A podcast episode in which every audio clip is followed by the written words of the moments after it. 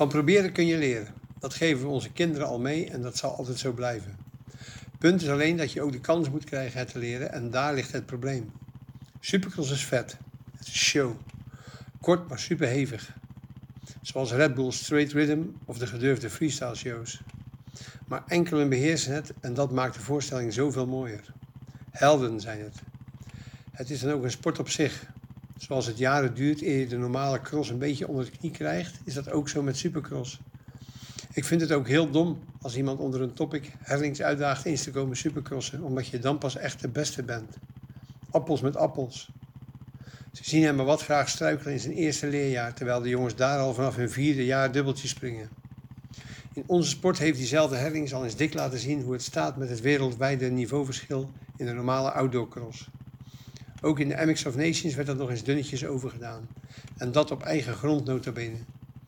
Je moet als chauvinistische Amerikaan bijna niet willen dat de Nederlandse helden zich erop toeleggen, want aan de skills van onze jongens ligt het echt niet. Daarom geen vergelijkingen, maar gewoon weer lekker genieten van de Amerikaanse showboys. Ik ga er s'nachts niet uit, maar kijk ook geen social media voordat ik de wedstrijden terug heb kunnen kijken. Op het puntje van mijn stoel, Supercross is geweldig en zeker een sport op zich.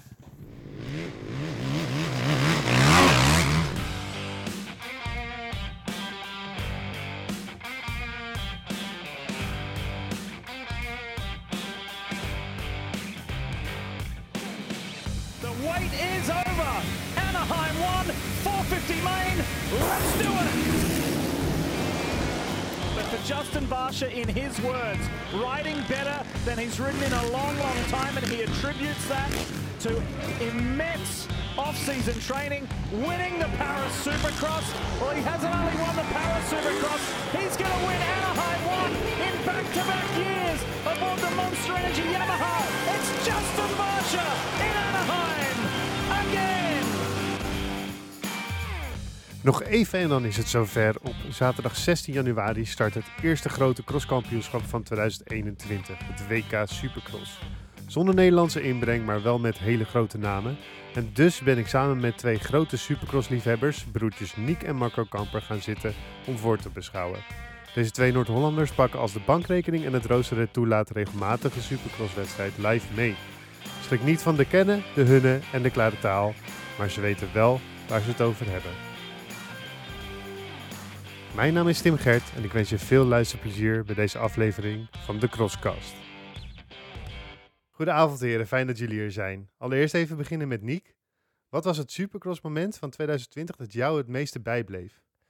Natuurlijk het kampioenschap van Eli Tomek, zijn eerste. Ja? En had je dat eh, van tevoren aanzien komen? Nee, ik had het niet verwacht.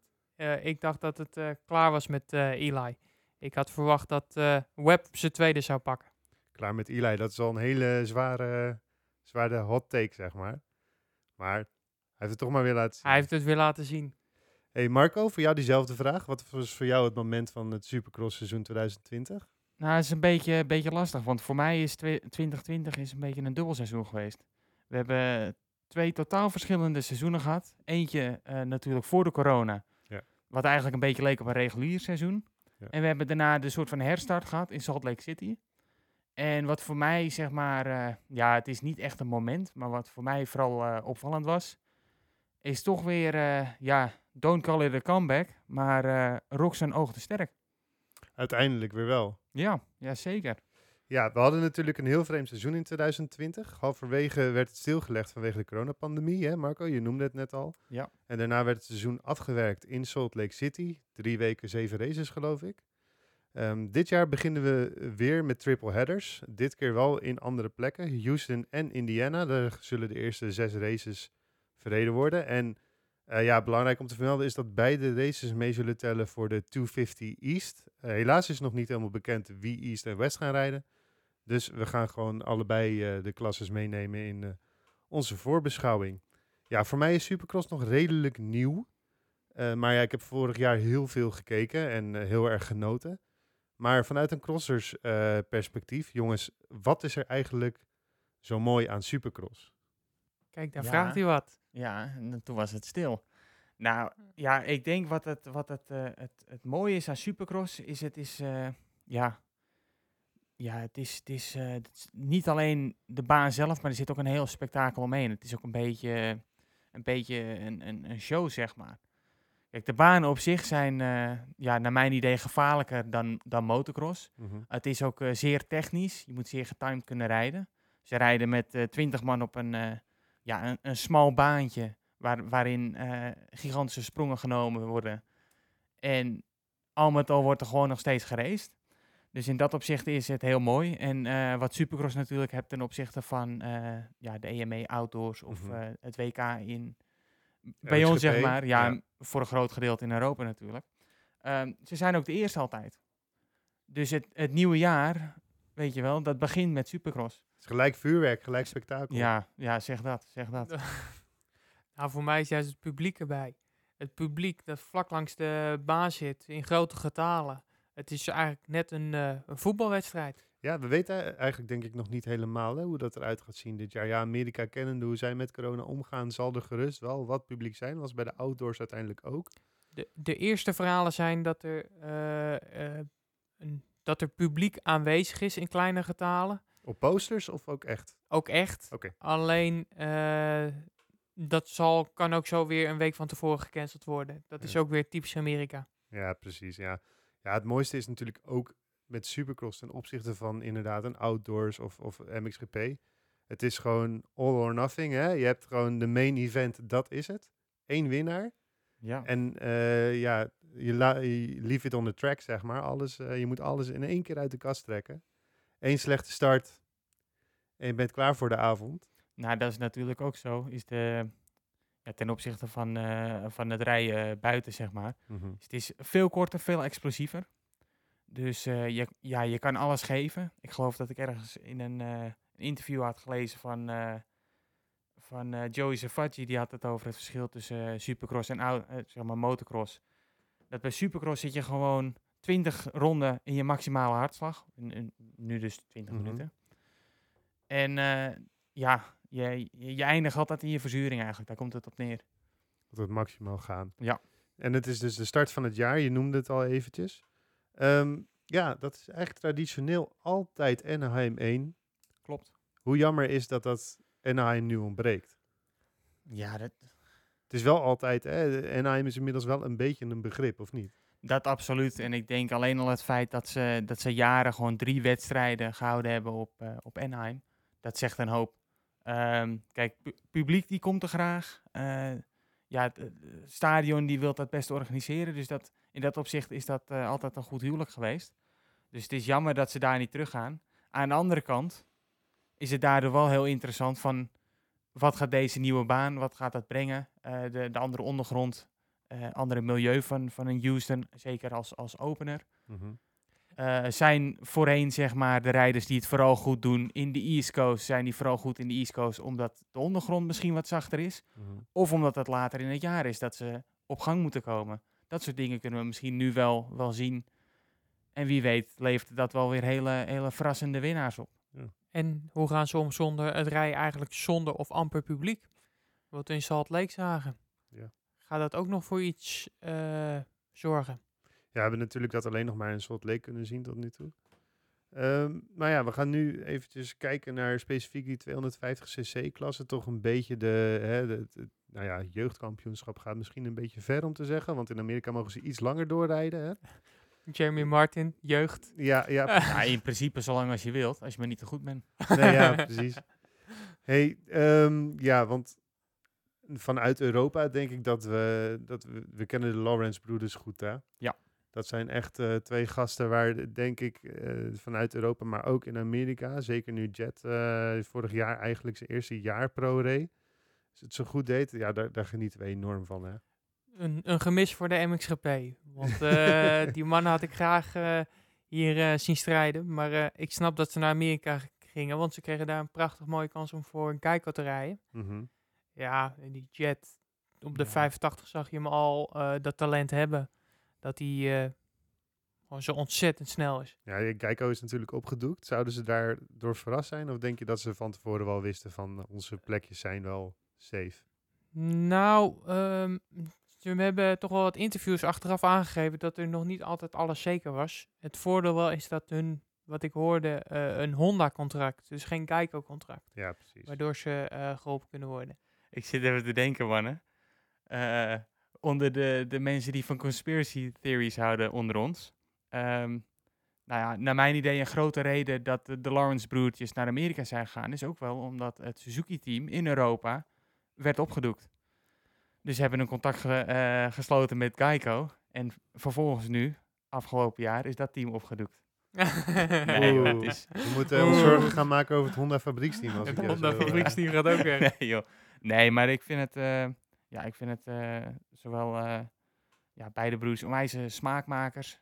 Ze hebben, ja, ze hebben wel, beide zijn stylisten en, en technische rijders, maar ze zijn wel eh, anders in dat opzicht. Ik, ja, wat denk zijn ook, de grote verschillen? nou, ik denk alleen al in bouw is dat, ja, ik vind, ja, hoe heet het, Hunter is natuurlijk wat korter. Mhm. Dus die, die ja, hoe zeg je dat? Die rijdt iets geslotener, zeg maar, dan een, eh, dan een, eh, een Jet doet. Jet die, die maakt ook duidelijk gebruik van zijn lengte, dat doet hij heel netjes. Want ik denk dat in het algemeen eh, lengte op een crosser niet, niet per se een voordeel is. Mhm. Ehm, maar er zijn rijders, neem nou bijvoorbeeld een, een Jeffrey die, die heel mooi, zeker op het zand, gebruik maakt van zijn lengte. Om, om ja, die, die motor, motor te manoeuvreren Mhm. zoals hij dat wilt. En ik denk dat Jet dat, dat heel netjes doet. Is dat dan, dan vooral een, een voordeel in de supercross of meer in de motocross? Ja, ik denk in Supercross, denk ik dat... eh, dat het- Benen zijn wel belangrijk daar, hè? ja, nou, ik denk dat het juist het, eh, het, een groter nadeel is in Supercross om langer te zijn dan Mhm. in, in motocross. Want het grote, de grote winst pak je door korter te zijn, is doordat je sneller van staan naar zitten kan bewegen. Mm. Je bent sneller daarin, want de afstand is korter. Dus in, in die zin en in Supercross natuurlijk, het, het, het gros van de dingen die je doet, is je komt een bocht in, staat, nou ja, je springt bijna de bocht in. En eh, vaak doen ze nog het achterwiel gebruiken om de motor als het ware rond te slippen. Mhm. En het moment dat je dat doet, moet je zo snel mogelijk van dat staan naar het zitten gaan en op het gas. Maar je kan pas echt gas geven als je zit. Mhm. Dus je kan eerder op het gas als je korter bent en sneller naar je zadel bent. En in dat opzicht is het een voordeel. Aan de andere kant, als we dan naar eh, de, de iets kortere rijders onder ons kijkt, waaronder ook eh, de GOAT, die hebben het zeer lastig met eh, de boeps. Ja. Hm. Maar ja, het voordeel, de GOAT, even voor de mensen die het niet weten, is Ricky Carmichael natuurlijk. Eh, vijfvoudig eh supercross kampioen. Ehm, maar Hunter Lawrence, ehm, ik, ik ben wel een eh, groot fan van die jongen, maar, ik, maar hij heeft een slecht 2020 achter de rug gehad. Met veel blessures en dat soort dingen. Denk jij dat hij hiervan terug kan komen? Nou ja, dat weet ik niet. eh, met deze sport helaas, eh, als je eenmaal in een blessure komt, eh, zie je er snel weer in. Dat, eh, ja, Vooral met supercross eigenlijk, hè? De Ja. motocross is al erg, maar supercross is Supercross niet minder. nog giga, maar het neemt ook nog veel preciezer. En het nadeel is met, met eh, bijvoorbeeld botbreuk of dingen, is dat eh echt een volledig herstel, dat duurt vaak langer als dat je het weer kan gaan belasten. Mhm. Dus omdat die reflectie, die moeten weer terugkomen. Ja. En kijk, snelheid zit altijd wel goed.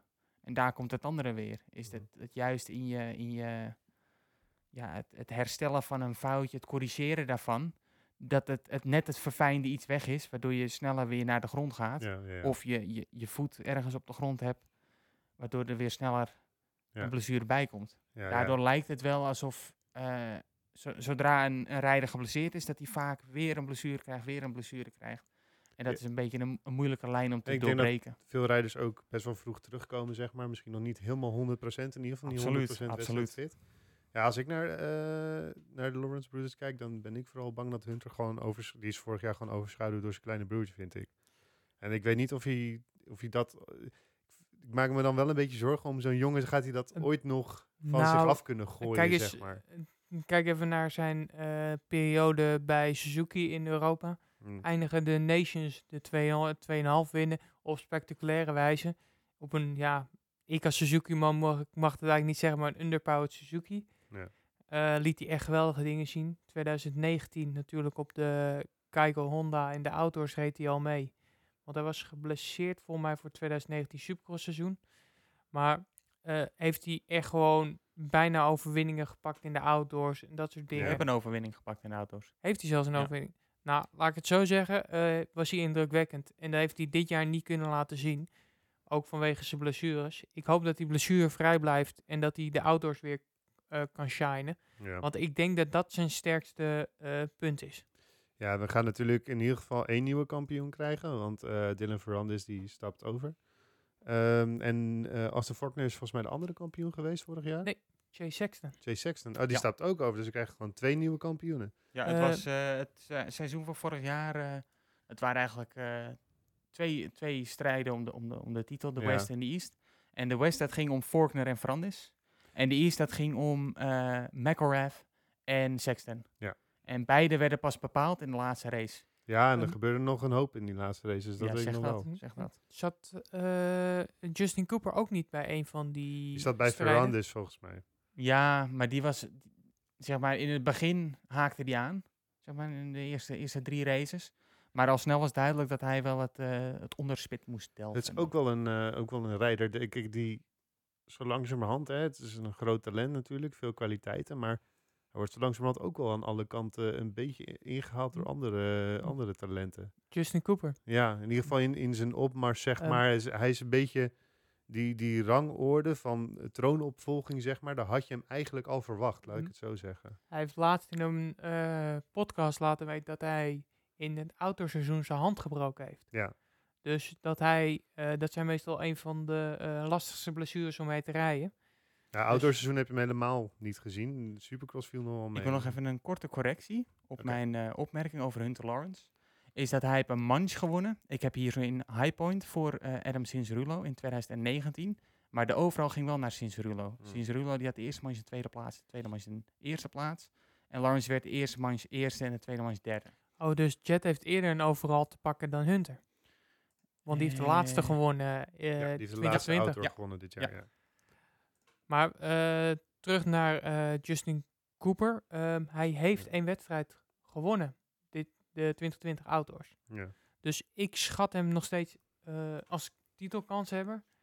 Maar voor mij is hij En de niet de favoriet. Supercross ook? Want daar Ook gaat het in de Supercross. om. Ook in de Supercross. Maar ik zie hem niet als favoriet. Was dat diezelfde hand die die ook brak bij de Nations? Dat weet ik niet eens. Nee. Dat is wel heel scherp. Dat weet ik niet eens. Ja, dat zou ook nog kunnen, hè? Want die, dat was natuurlijk, dat is dan binnen een jaar dat hij twee keer zijn hand eh, zou hebben gebroken, zeg maar. Als dat zou gebeuren, dat zou wel eh, bijzonder zijn. Ehm, ja, in ieder geval dan eventjes eerst even beginnen met, met wie de verrassingen gaan worden dit seizoen. Zitten er nieuwe rijders nog bij die, die als Jet Lawrence vorig jaar bijvoorbeeld, die zagen we natuurlijk wel een beetje aankomen. Maar zitten er nog andere rijders bij die dit jaar Ja, je echt hebt- kunnen verrassen? ja, het eerste waar ik aan denk, en daar heb ik ook filmpjes langs eh, van zien komen, is eh, nog piepjonge Voland. Ja. Maximus Voland. Ehm, ik heb geen idee wat hij gaat doen. eh, het is, Het is wel een Amerikaan, hè, geloof ik, maar wel ja. in Europa gereden. Hij heeft, eh, ja, zijn vader. Ja, en hij heeft zelf natuurlijk ook nog een, Ja. een wedstrijd gereden in eh Metally Basin. Nog ook voor de corona. ja, hij, op zou, 125. hij zou meer gaan doen. Alleen vanwege corona is hij op tijd naar huis gegaan. Mhm. Want hij zou eh, een gevoel krijgen van de EMX 250. eh bedoeld 125. Maar ja, eh, eh, laat ik zo zeggen, ik was niet onder de indruk van hem Nou, hij- op eh met de Ja, weet Maar dat was wel een modderwedstrijd in Engeland. Onbekend zien, Ah, onbekend Modder viel wel mee, toch? Het was, ja, het was wel hardpack en, en het had wel... Ah, het is trouwens wel gesneeuwd daar ook nog toen. Dat weet ik Ja, nog, want dat- wij waren erbij. starthek, ik, ik of weet nee, nog- het gebouw achter, het, eh, achter de start het was kapot gewaaid. ja, dat was de dag ervoor inderdaad. Ja, Ja, ja, ja, dat maar- klopt. Ik Nee, ik weet nog bedoel, dat ik, dat ik daar rondliep, dat mensen wel tegen me zeiden van... Ja, die Voland, daar moeten we wel een beetje op letten. En dat hij eigenlijk, eh, die, ja, diegene die net eh, naast mij stond en daar de hele tijd over had... Die werd met het minuut eigenlijk stiller, want die zag hem eigenlijk niet meer... Voor mij hij hier rond de vijfde plek of zo. En het was in ieder geval niet wat hij ervan had verwacht. Eh, hij kon niet met de, met de Liam Everts en de, die eh, categorie... eh, Nee, maar het is Nou- natuurlijk de vraag, want het is maar één race. Dat vind ik altijd moeilijk om te kijken. Kijk, hoe was de vorm van de dag? Dat weet je natuurlijk ook niet. Start was er ook niet bij. Hij reed goed naar voren. Eerste Nee, maar daarnaast is het ook een baan waar wel, eh, wel vaker eh ja, eh jeugdwereldkampioenschappen en zo gehouden worden. Dus er zijn, eh, zijn meerdere van, van ja, de, de, de jeugdrijders die daar wel eens een keer gereden hebben. En ik denk dat Metally Basin wel een baan is waar het een voordeel is dat je hem een keer gereden hebt. Nou, kijk, waar, waar- waarom ik eigenlijk niet onder de indruk was. ehm, Mac- eh, Max is natuurlijk alweer wat eh, van de oudere leeftijd. Ja. Mhm. Hij is, nu, hij is eh 16 jaar oud nu. En toen eh, was hij ook al 16. En hij ging toch tegen een beetje broekjes op. En ik had eigenlijk verwacht dat hij niet gedomineerd had. Want had ik niet verwacht. Maar ik had wel verwacht dat hij in de, eh, bij Liam Evert zou zitten. Ja, want de, de EMX 125, dat zijn natuurlijk de echt jonge gasten. Dat is gewoon 14, mm, vanaf 14 denk ik. Ehm, Liam is 15. Ja, je ziet ook wel ja. 16-jarigen ertussen zitten. Maar Liam was 15 op dat ja, moment. Precies. Ja, precies. En, wie zijn dan de, de echte kanshebbers voor, eh, voor in die, eh, in die 250-klasse? we, Nou, hebben natuurlijk, we weten natuurlijk nog niet hoe die, hoe die klassementen eruit gaan zien, maar wie zijn de kanshebbers? nou je Naast Faulkner, eh, sorry, naast Faulkner, de Lawrence broeders, broers en eh, nou, Justin Cooper hebben we net al genoemd. Uh, McElrath is denk ik gewoon weer een, eh, die heeft er vorig jaar heel lang Ja, bij maar. McElrath die rijdt voor het aankomende seizoen 450 voor Motor Concepts. Dus Dan dat doet zou hij een- denk ik niet mee voor het een- kampioenschap in de 250. Juist, maar dat zou een, een goede, goede kandidaat zijn geweest, aangezien hij al drie keer de, de openingsrace gewonnen heeft Ja. voor de 250. Maar ik denk Dus, dat eh, eh, eh, ja. de valspelende team, eh, noem ik het maar even, want die motor van Yamaha eh, is op het moment zo goed eh, dat we Jeremy Martin en Christian Craig niet moeten vergeten. Eh, Jeremy Martin is normaal eigenlijk een outdoor man, mhm. maar ik schat hem in dat hij dit seizoen ook de supercrossen eventueel heel goed kan doen. Al is mijn persoonlijke favoriet eh, Christian Craig. Alleen als stijl vind ik geweldig, hoe die op die motor rijdt. Ja, als je mij zou vragen eh, waar zou ik mijn geld op zetten ten aanzien van, eh, van het winnen van de eerste race, dan denk ik dat ik, ja, denk ik Faulkner of een, een, een Jet Lawrence zou ik wel als een, een grote kans achten. Misschien een Hampshire. Ja, alleen is dan Jet Lawrence weer iemand die waarschijnlijk West gaat rijden. Dus die zal die eerste race ook niet winnen. Het is Ja, maar wel het- lastig. Het zal het ook zien, hè, want het, Ja. kan, maar, het kan maar zo zijn, eh, dat is in het, in het verleden ook wel geweest, Mhm. eh, dat eh, ja, blessures zeg maar, bepalend zijn voor wie welke coast rijdt. Soms dan eh, eh, wilt een, eh, een rijder, heeft zich eh, ja, klaargemaakt voor de West Coast en eh, heeft dan eh, kort daarvoor een blessure, waardoor er gewisseld wordt. Ja. Het is wel voorgekomen, dus En is er nog iemand die, eh, want we hadden het al begin even over, dat Anaheim wordt dan helemaal niet gereden dit jaar. Is er iemand die daar over het algemeen heel goed presteert en die daar nu waarschijnlijk wel extra van zal balen dat hij er niet, eh, niet Nou, rijdt? Eh, ik weet, kijk, de, de baan van Houston ken ik niet zo goed. We zijn er ook maar twee keer eerder geweest. En meestal, want ja, je denkt van nou, het is een stadion, weet je wel, iedere keer de baan is iedere keer anders. Maar meestal halen ze de grond die ze gebruiken voor de supercrossbaan van dezelfde locatie. Mhm. Dus iedere, ieder stadion heeft zijn eigen unieke grond. Ja. En die is vaak ieder jaar wel weer hetzelfde. Mhm. Ehm, ja, Anaheim, dat is een, dat is een, een, een Californische baan, zeg maar. Dus Ja. daar haalden ze harde, steenachtige, gladdige grond vandaan. Dus ik denk dat ehm, zo'n soort baan eerder ligt voor iemand met een, met een, eh, ja, een, een, een nette rijstijl. Zoals? Een gedoseerde stijl. Nou, een, een, een Jet Lawrence zou dat bijvoorbeeld goed kunnen, naar mijn idee. Een Christian Craig. Ja, en bijvoorbeeld ook eh, ja, de, de, de, de Franse stijl, mochten we Franse rijders onder, onder ons hebben, die, die Ja. kunnen dat vaak goed. Ja. Ehm, maar ik denk dat Houston bijvoorbeeld, aangezien het eh, ja, Texas is, waar ook iets Mhm. meer een zandgrond is, daar zal een zachtere grond eh, te verwachten zijn, naar mijn idee. Mhm. Ehm, dus iets meer spoorvorming, niet een echte East Coast baan. Eh, sommige East Coast banen zijn, zijn vaak nog wat, wat, eh, wat, ja, wat meer eh, organisch materiaal ertussen Ja. waardoor die echt heel diep wordt. Ehm, ik denk, ik verwacht, dat verwacht ik niet. Dus, maar dat is wel interessant. Welke rijder kan, kan zich daar het best op, op inspelen? Mhm. En ja, Wie, wie waren daar in het verleden? Weet je dat toevallig wie daar in het verleden wonnen? Ja, daar heb ik eh, niet. Moet ik even kijken. Ik heb hier. een- Nou, uh, Tims, dan, dan gaan we even zo, daar komen we zo wel denk ik op terug. Laten we even kijken naar eh, de andere Marco zoekt even op. kanshebbers die, we, die ik zie als een kanshebber nog, is eh, natuurlijk RJ Hampshire. Ja. Want eh, RJ eh, is, eh, rijdt, heeft natuurlijk eh, in de ouders het heel goed gedaan op zijn Husqvarna. Mhm. Eh, rijdt nu, eh traint nu met Elden Baker. Eh, de Champions Maker, zoals ze dat noemen. Ja. Eh, dus ik heb hoge verwachtingen van hem.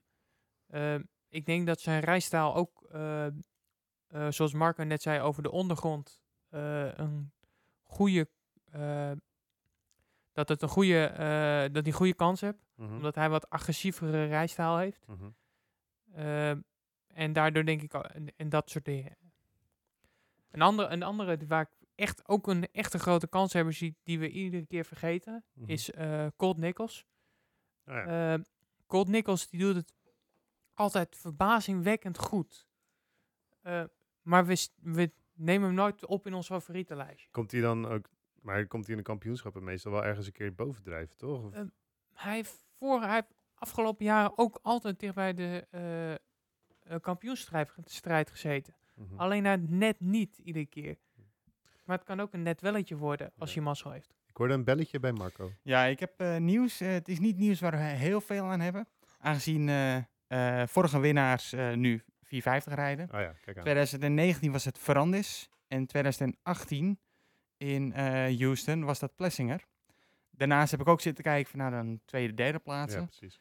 In eh, eh, 2018 was dus de, de volledige top 5. Dat waren rijders die nu 450 rijden. In 2019 werd een, eh, hoe heet het nou, Ehm Hampshire die werd tweede. En derde Colt Nichols. Dus Nick die zit helemaal in de goede hoek de, eigenlijk. de mannen zeg maar met ervaring kennen misschien wel voor verrassing zorgen.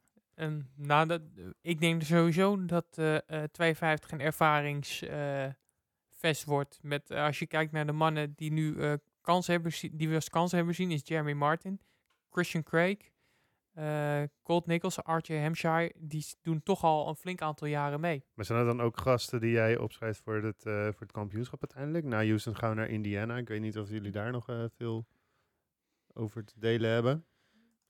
Ja, dat is eh, natuurlijk midden, midden van het land. Ja. En, en dat hangt zo af van hoe de eerste wedstrijd Ja, gaat. Wat ik me dan wel zo afvraag, om zeker bij een Indiana, is eh, zo vroeg in het jaar, Mhm. nou relatief vroeg, is eh, hoe, hoe zal het weer zijn? Ja, dat is ook een goeie. Ja. Want je hebt natuurlijk Ja, dat- normaal, als we de eerste hebben in, eh, in Anaheim, dan is het toch gewoon lekker 15 graden. Prima ja. Californië is altijd wel goed. Ja. Nou, daarom. Nee, en Indiana zal ook eh, gewoon eh, de eind januari, eerste week van februari zijn. Nou, nou. Dus dat, dat, dat, dat belooft nog veel goeds.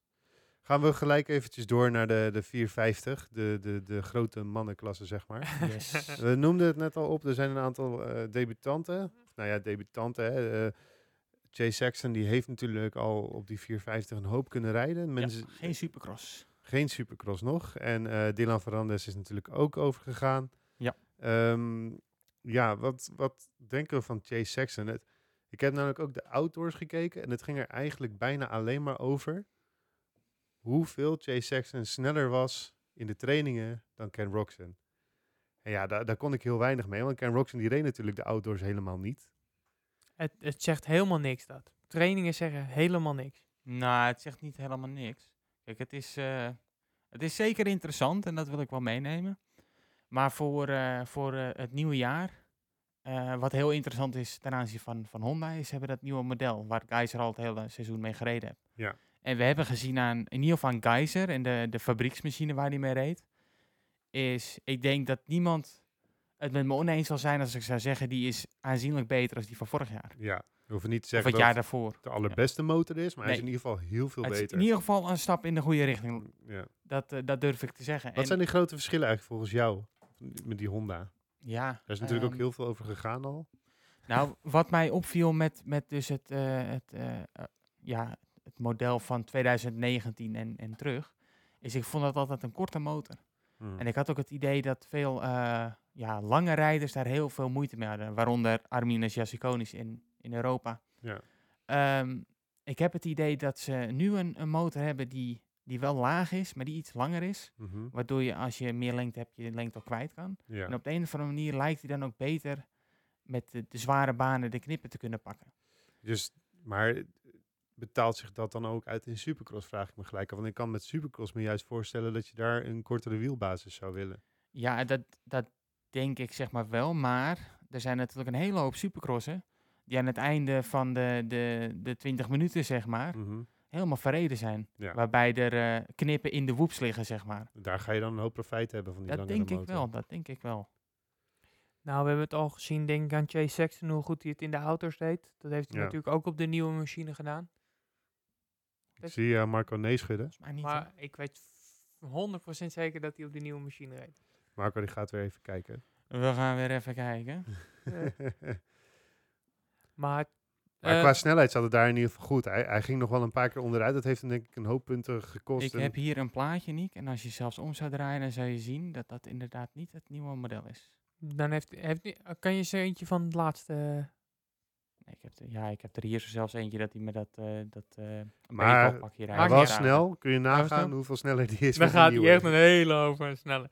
Nee, maar ik denk dat... eh, ik was onder de indruk van Chase Jackson. Eh, ik had niet verwacht dat hij meteen eh, de snelheid zou hebben van eh Adam Cincerillo. Die natuurlijk ook Ja. heel snel was.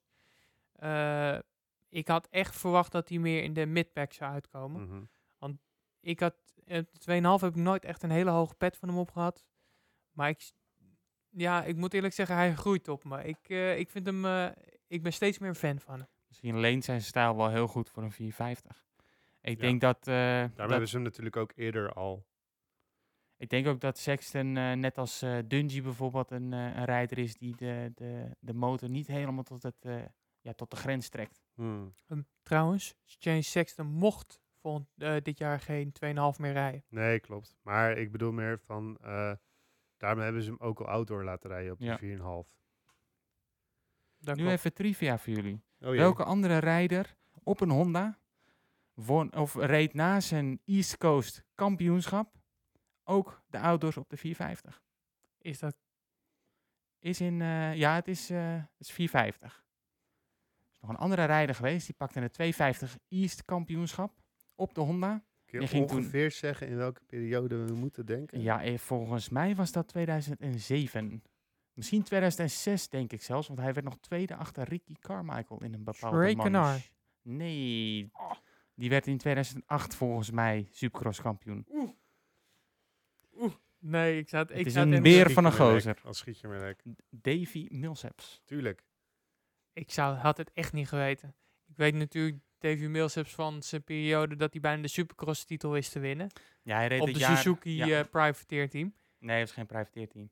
Oh, wacht. Ik weet welk jaar. Ja, dat is, eh, is, eh, zijn, ja, eigenlijk zijn nadagen min of meer. 2013 was dat. Ehm, om dan toch eventjes over te stappen dan eh, naar het Suzuki. De Heb Suzuki eh, is aangekondigd met een bekende naam vanuit Europa. Max Anstey. Ja, die reed er natuurlijk vorig jaar al. Eh, maar nog niet supercross, want toen eh, raakte hij er vlak daarvoor. Of, ja, hij had denk ik nog een blessure die hij meedroeg van Europa, die nog niet eh, Klopt. gezien was. Een klaplong, hè, was dat geloof ik. Eh, nee, dat heeft hij pas eh, later dit jaar eh, is, zijn ze erachter gekomen. Dat Ja. hij klaplong symptomen had. Ik weet niet of hij echt een klaplong had. Hij had een iets, voor mij, in zijn voet. ja, in zijn voet had hij wat gebroken, nog ja. steeds. En dat was een oude blessure die nog niet hersteld was. En daar was hij aan het begin van vorig seizoen aan geopereerd. Maar ja, toen, eh, toen heeft hij dus het supercross seizoen uit moeten zitten, waarvoor hij eigenlijk wel naar Amerika gaan als, eh, was gegaan, als we heel eerlijk moeten zijn. Maar goed, misschien dat het helemaal niet, zo'n slecht, eh, niet, helemaal niet zo slecht is geweest, want daardoor stond hij wel volledig fit aan de start van het eh, outdoor seizoen. En daar hebben we natuurlijk wel hele mooie dingen gezien van Anstey. Eh, ik zal niet zeggen, hij stond niet iedere week op het podium, en, eh, maar wel bijna iedere week denk ik in de top ik- 10. Ik zat te genieten. Ja. Eh, Ik zat echt te genieten. Ik baalde echt ontzettend dat hij die manche niet wist te winnen in Loretta Lins. Hij werd Nou. derde, hè, geloof ik uiteindelijk. Of, Uit, voor, ja, Osborne reed hem voorbij en... Nee, Anderson reed hem... Nou, Husqvarna, een van de Husqvarna boys reed hem voorbij en ik baalde als een stekker. Ik hoopte heel erg dat hij hem zou winnen. Zeker eh, de Suzuki-man in me, die wou eh, heel graag hè, dat er een, nog een overwinning op die oude Nou, wat mij kwam. opviel eh, bij, de, bij de outdoors, is dat eh, die Suzuki's die gaan goed van start. Uh, Ja. Anzi, die zat er ook goed bij. die Noren die zat er ook altijd bij. Ja. wel bij. Ehm ook eigenlijk altijd. Ja, die zaten in ieder geval... dus of ze hebben gewoon een hele hoop rijders die gewoon onwijs hard van het hek weg kunnen rijden. Of die Suzuki's die staan wel lekker voor, eh, voor starten. de onveranderde Suzuki's. eh, Ja, volgens mij rijden die, in, of in ieder geval vorig jaar reden die Hep Boys volgens mij gewoon eh, nagenoeg standaard. Dus eh, Ja, dit nou jaar hebben ze dan eh, fabrieksondersteuning, of zijn ze Ja. eigenlijk het fabrieksteam geworden? Ja, Wat ja, betekent dat? Ja, dat verschilt heel erg, hè. Eh, kijk, soms wil dat zeggen dat ze, eh, ja, zeg maar, kunnen communiceren met, met de fabriek. Dus ook feedback terug kunnen geven. Soms wil dat alleen zeggen dat er gewoon eh, fabrieksvering eh, jouw kant op komt. Dat, Vering is eh, wel heel belangrijk natuurlijk. hè? Absoluut, absoluut. Vering is alles op een crossmotor. Mhm. Nou, heeft hij natuurlijk, eh NC heeft geloof ik ook al wat supercross gereden op de 2,5 in het verleden. Klopt. Verwachten we, hoe, wat verwachten we, wat kunnen we van hem verwachten eigenlijk? Nou ja, als je teruggaat naar, naar dat hij in Amerika dus eh 250 Supercross reed, is zeg maar, eh, je, je mag vuur verwachten, maar wel heel wisselend. Ik denk wel dat dat nog een jonge Max Enzi was en dat de, de Max Enzi van nu wel heel wat eh, ouder en volwassener is. Dus het misschien is, wel wat slijtage op, maar dat zou kunnen, dat zou kunnen. Ehm, ik weet wel dat eh, bij ons, bij onze lokale baan, eh, in Lelystad hadden ze een supercrossbaan. Nou ja, supercrossbaantje. En eh, die reed hij eh, zonder problemen, zo in één keer. Dat, eh, dus ja, hij is het niet verleerd. Alleen ja, hoe goed dat dan, of dat goed genoeg zeg maar is voor de het niet 450 vergelijken klasse. natuurlijk. Nee, natuurlijk niet. Nee, maar de timing is natuurlijk, dat is wel een dingetje natuurlijk van supercross. En dat is in ieder geval niet kwijtgeraakt. Dat zit nog steeds in dat kopje van hem en dat zit nog steeds in die rechterhand. Ja. Dus dat, eh, dat zit wel goed. Ja, naast NC zagen we natuurlijk, eh, hè, we hebben NC al genoemd, we hebben Ferrandis al genoemd, die gaan we ook nog wel even bespreken. Ja. Maar eh, wat ook wel goed is om te bespreken, is nog zo iemand die ook in Europa heeft gereden, Zack Osborne. En die won natuurlijk het outdoor kampioenschap. En als we heel eerlijk zijn, was dat na Cooper Webb en Eli Tomac vorig jaar in, de, in het supercross kampioenschap, zeker in Salt Lake City, al de beste man. Ja, ik, ik zet er wel een sterretje op. Maar ik ben wel mee eens. Ik, ik ben on- onwijs wel een indruk geraakt van, van, eh, van Osborne. Sowieso al dat hij op, eh, ja, op toch latere leeftijd uiteindelijk bij de 250 zowel de indoor als de outdoor titel pakte. Want die is nu eh, al 30, hè, volgens mij. Of in Ja, de 30 in ieder ja, geval. dat, dat zit Hij er is dik 30 in. nu. Twee, twee kinderen thuis. Eh, zijn het er alweer drie geworden, niet? Nee, het zijn er nog steeds zijn er twee. nog twee. Nee joh, maar dat is, dat is wat dat betreft wel, eh, wel heel mooi. Is dat hij gewoon eigenlijk met ieder jaar toch weer dingen gevonden heeft. En toch iedere keer een stapje beter is geworden. Dat is wel heel interessant. En ik denk ook dat hij zijn ervaring in Europa, dat hij die heel goed meegenomen heeft. En waarom staat er dan toch zo'n sterretje bij? Nou ja, ten aanzien van wat jij zei van de, de, de Supercross, is dat hij heeft natuurlijk een manche gewonnen. Mhm. Eh, die hij naar mijn mening niet zo snel gewonnen had, was het niet dat ze teammaat zijn zadel verloor. Ja, precies. Dus ik denk in dat opzicht reed hij heel goed die manch, maar hij had een hele mooie tweede plek waarschijnlijk gereden. Was hij, het, heeft toen toch, hij heeft toen toch meerdere races lang aan de leiding gereden. Voor mij startte hij steeds heel goed. Uiteindelijk ging, ging Ja. hij zeg maar wel een beetje ten onder in het, in het, eh, in het eh, vuurgevecht tussen eh, Webb en, eh en Tomac vaak. ja, en Roxen, hè, niet vergeten, die zat er altijd tussen. Ja, vorig jaar toch niet? Vorig jaar heeft hij een paar wedstrijden heeft hij goed gereden. Maar de- zeg maar, in, als je puur naar Salt Lake City kijkt even. Hè. Terwijl Roxen hebben we één... Salt Lake City gingen ze in, toen lag volgens mij, en correct me if I'm wrong, eh, lag, eh, hoe heet het, eh, tweede in het kampioenschap. Ja, toen wel. Ja, maar toen verwachtte iedereen heel veel van Roxanne. En toen kreeg hij Hij heeft een paar slechte wedstrijden ge- gereden. Ja. hij heeft toen inderdaad last gehad van die, van die gordelroos. Ja. En, maar hij heeft ook gewoon nog een wedstrijd gewonnen daar. Hè? Ja, ja, ja. Maar dat was eigenlijk op het moment, want dat, daar baalde ik zo erg van. Je had inderdaad, eigenlijk had je eh Tomac en uh, Roxanne, die moesten doen voor het kampioenschap. Webb stond eigenlijk al te ver achter, die had die blessure gehad. Dat ging hem niet meer worden. En eigenlijk vanaf het begin eh, was Webb heel sterk in Salt Lake. Tomac was een beetje mama. Ja, gewoon punten pakken. En, gewoon punten ja. pakken en gewoon solide. Alleen eh eh, Roxanne was het gewoon heel... Ja, die, die eerste race was nog wel aardig, maar daarna heeft hij echt twee races gewoon echt heel veel punten laten liggen. Ja, dat hij er En met de start wel bij was, maar dat Ja. hij heel erg terugzakte. En eigenlijk op het moment dat je hem afgeschreven had voor de titel, toen won hij er nog één. Ja. En daarna was het weer weg. En toen Ja, liet hij het outdoor ja. seizoen lopen. Klopt. Nou, nu we het toch over Ken Roxen hebben. ehm, ondanks dat jij het nu over zijn zwakke einde hebt, zie ik hem als grote kandidaat voor het kampioenschap. Ja, denk je dat hij er helemaal bovenop is? Nou, is, wat laat ik het zo eh, zeggen, hij heeft wat heel veel rijders dit jaar niet hebben, is rust. Ja, ja in dit Eh, COVID-jaar dan, zeg maar in dit 2020. COVID-jaar. In dit COVID-jaar. Ehm, tussen de periode, dat hoor ik wel vaker, dat tussen de periode van het eindigen van de eerste fase eigenlijk, Mhm. eh, zijn heel veel door gaan, we- zijn door gaan trainen. Omdat Ja. ze niet wisten wat er ging gebeuren. Dus ze trainden door, trainen door, trainen door. Zal het leek komen. Daarna zouden meteen de auto's erachteraan komen. Ging ook niet door, werd ook een stukje stilgelegd. Dus gingen ook weer vol eh, door met trainen. Want je wil natuurlijk niet achterkomen in je training.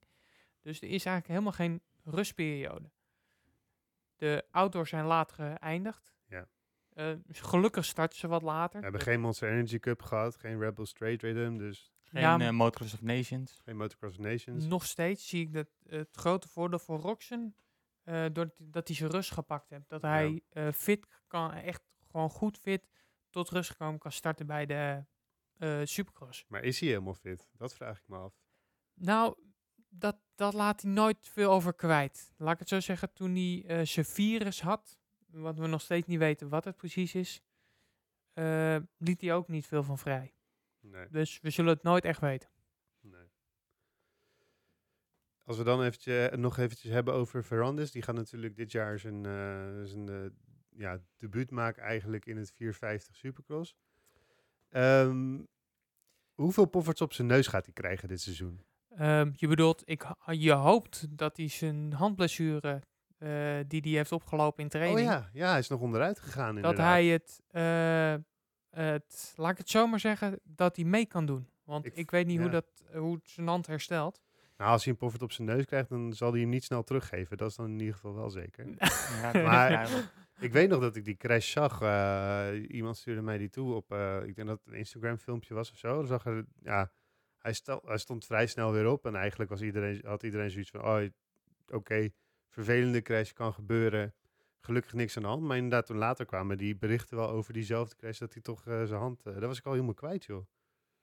Ja, dat is nog wel even, nou ja, hopelijk kan hij, kan hij in ieder geval nog een paar meerijden. Ik, ik weet ook niet precies hoe dit daarmee Ehm, staat. Het, het, het verhaal is wel dat hij de eerste in Houston zou missen.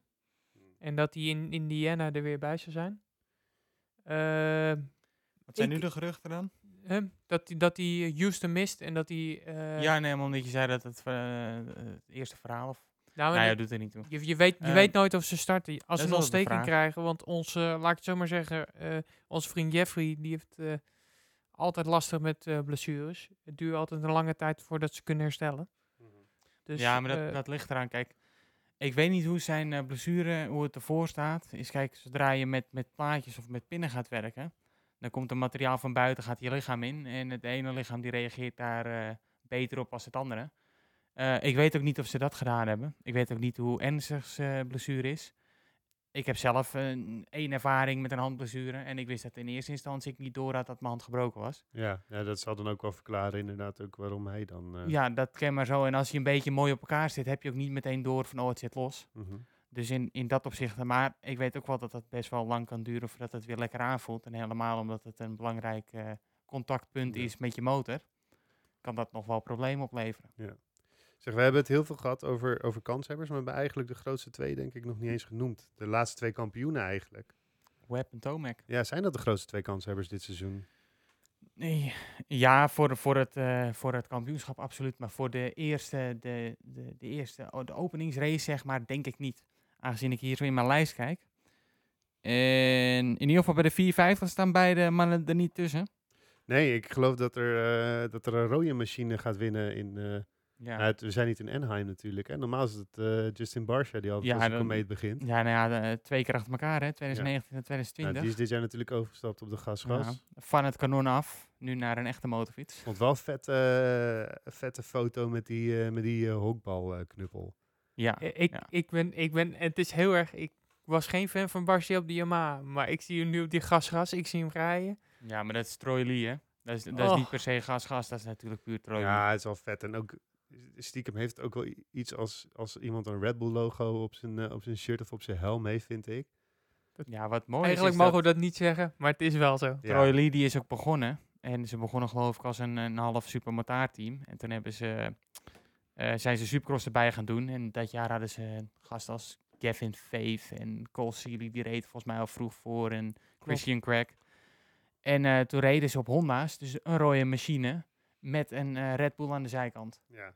Dat was hun, hun, dus dat is wel vet. Dus daar in, Mm. in dat opzicht, eh, in ieder geval de Back rode machine weer terug. Met Ja. die de, mooie blauwe zadels. de weet je looks zijn weer eh, Oh. vergelijkbaar. Maar goed, de looks, dat is, het, is natuurlijk, hè, Troy Lee eh, Design is natuurlijk gewoon een, een gear ontwerper daar. Ja, Troy Lee is begonnen als uh, helmenspuiter. Dat Ja. is zijn... zijn daar, zijn- daar staat hij echt bekend om ook. Nou nee, daar is hij mee begonnen en zo is hij in, in de cross gekomen. En eh, daarna is hij dus erbij eh, pakken en dingen gaan doen. En eh, Kun je nagaan hoe dat kan gaan, hè? Hij spoot helemaal voor eh, Pro Circuit. En doet hij dat nog steeds? Hij doet eh, nog steeds. Nog heeft- steeds. Ja, Hij spuit heel veel, eh, voor heel veel teams spuit hij, eh, doet hij het eh, spuitwerk. designs. En, dat vond ik vroeger altijd raar. Want in ieder geval in de jaren dat ik cross keek, was Troy Lee, dat was gewoon een... Ja, die maakte eigen helmen Ja. en eigen pakken. En dan had je hier had je, eh, Pro Circuit en toen rijdend met, met Thor. ja. En dan stond er op de klep stond Troy Lee Designs. Ik denk, ja, maar dat, dat, is vroeg een in de beetje- kerk. Ja, dat vroeg niet. eh, Nee. Nee, en eh, nou jij weet eventjes terug hoor, want we waren eventjes afgedwaald. Maar eh Tomac tegen Webb. Ja. Ja, en- Als Webb vorig jaar niet geblesseerd was geraakt. ja Eh, maar dat is lastig Webb- te zeggen. Ik Webb vond, is geblesseerd geraakt omdat hij zo hard moest pushen. Dus eh, ja, hij was toen die eerste race van het jaar. Was hij toen eh, verkouden of iets? Want hij was niet 100%. Vertelde hij toen, en dat zag je ook. ja, klopt. En ik heb het idee dat, dat eh, doordat hij dat ja, slecht kon accepteren, is hij gaan pushen en heeft Hmm. ook uiteindelijk zijn fout gemaakt. Zal hij ook corona gehad hebben dan? Oh, nou, dat is een goede vraag.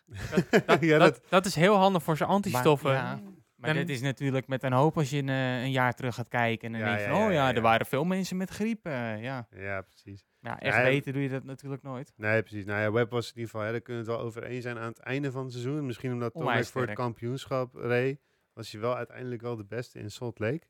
Hij heeft Eh, ook de meeste punten verdiend in Salt Lake. Ja, precies. Ja, en hoe zien jullie, want, want eigenlijk Tomac zijn missie was natuurlijk in eerste instantie dat supercross kampioenschap pakken, hè, want dat had hij dan eh, nog niet te pakken. Er stond een beetje een vloek. eh, Ja, er stond een op, beetje een vloek ja. op. Ehm, maar ja, de ultieme, eh, de, de ultieme prijs natuurlijk supercross en outdoor in één seizoen.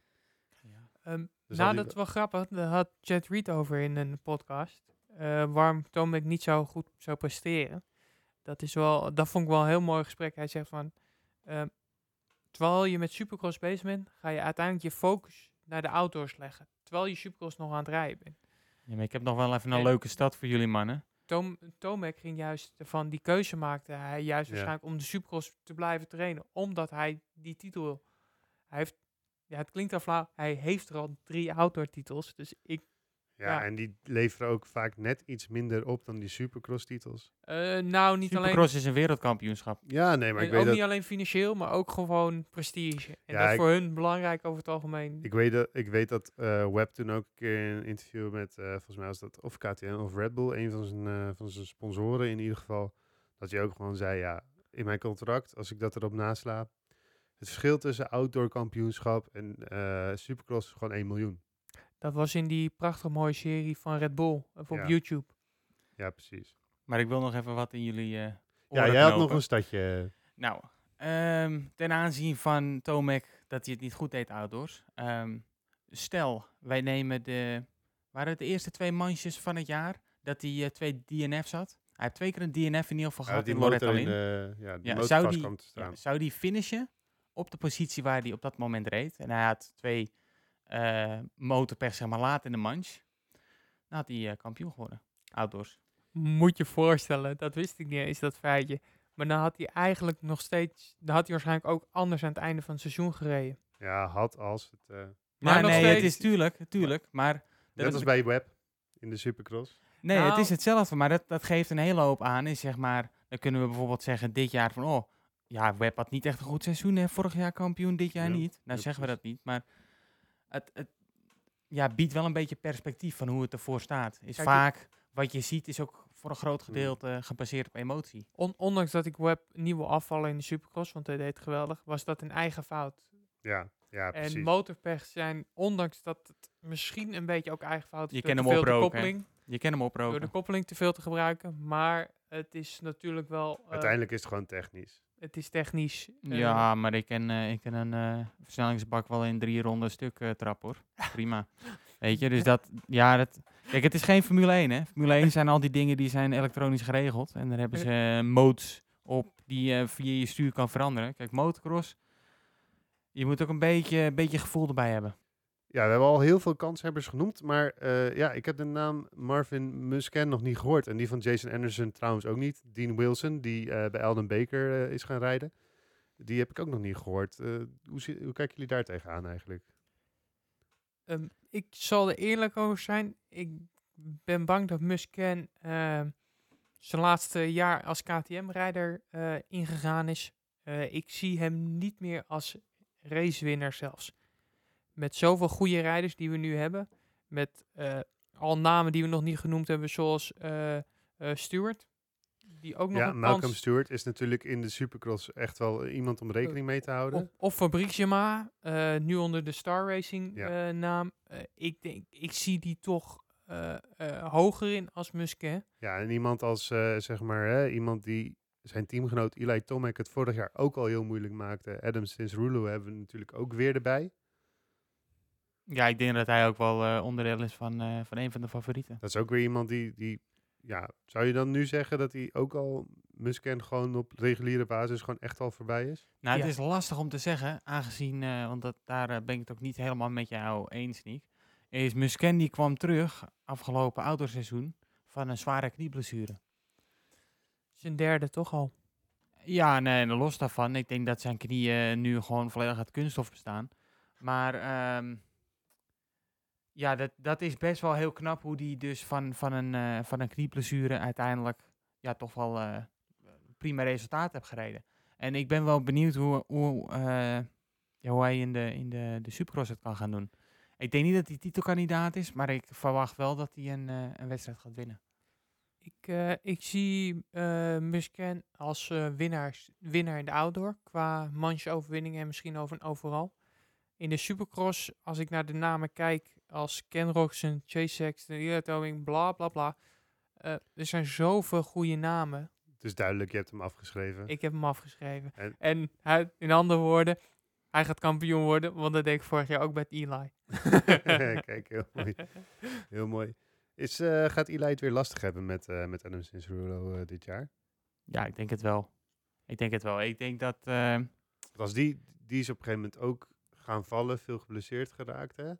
Of tenminste in ieder geval pijntjes opgelopen in die... eh, in, eh, in, eh, in de ja, Supercross. dit is wel een dingetje voor hem. Is, hij is ah, de, de redelijk onstuimig, Adam. Maar gewoon het feit, zeg maar, met zijn snelheid van Adam... ja, dan, dan ben je al een moeilijke teammaat om te hebben.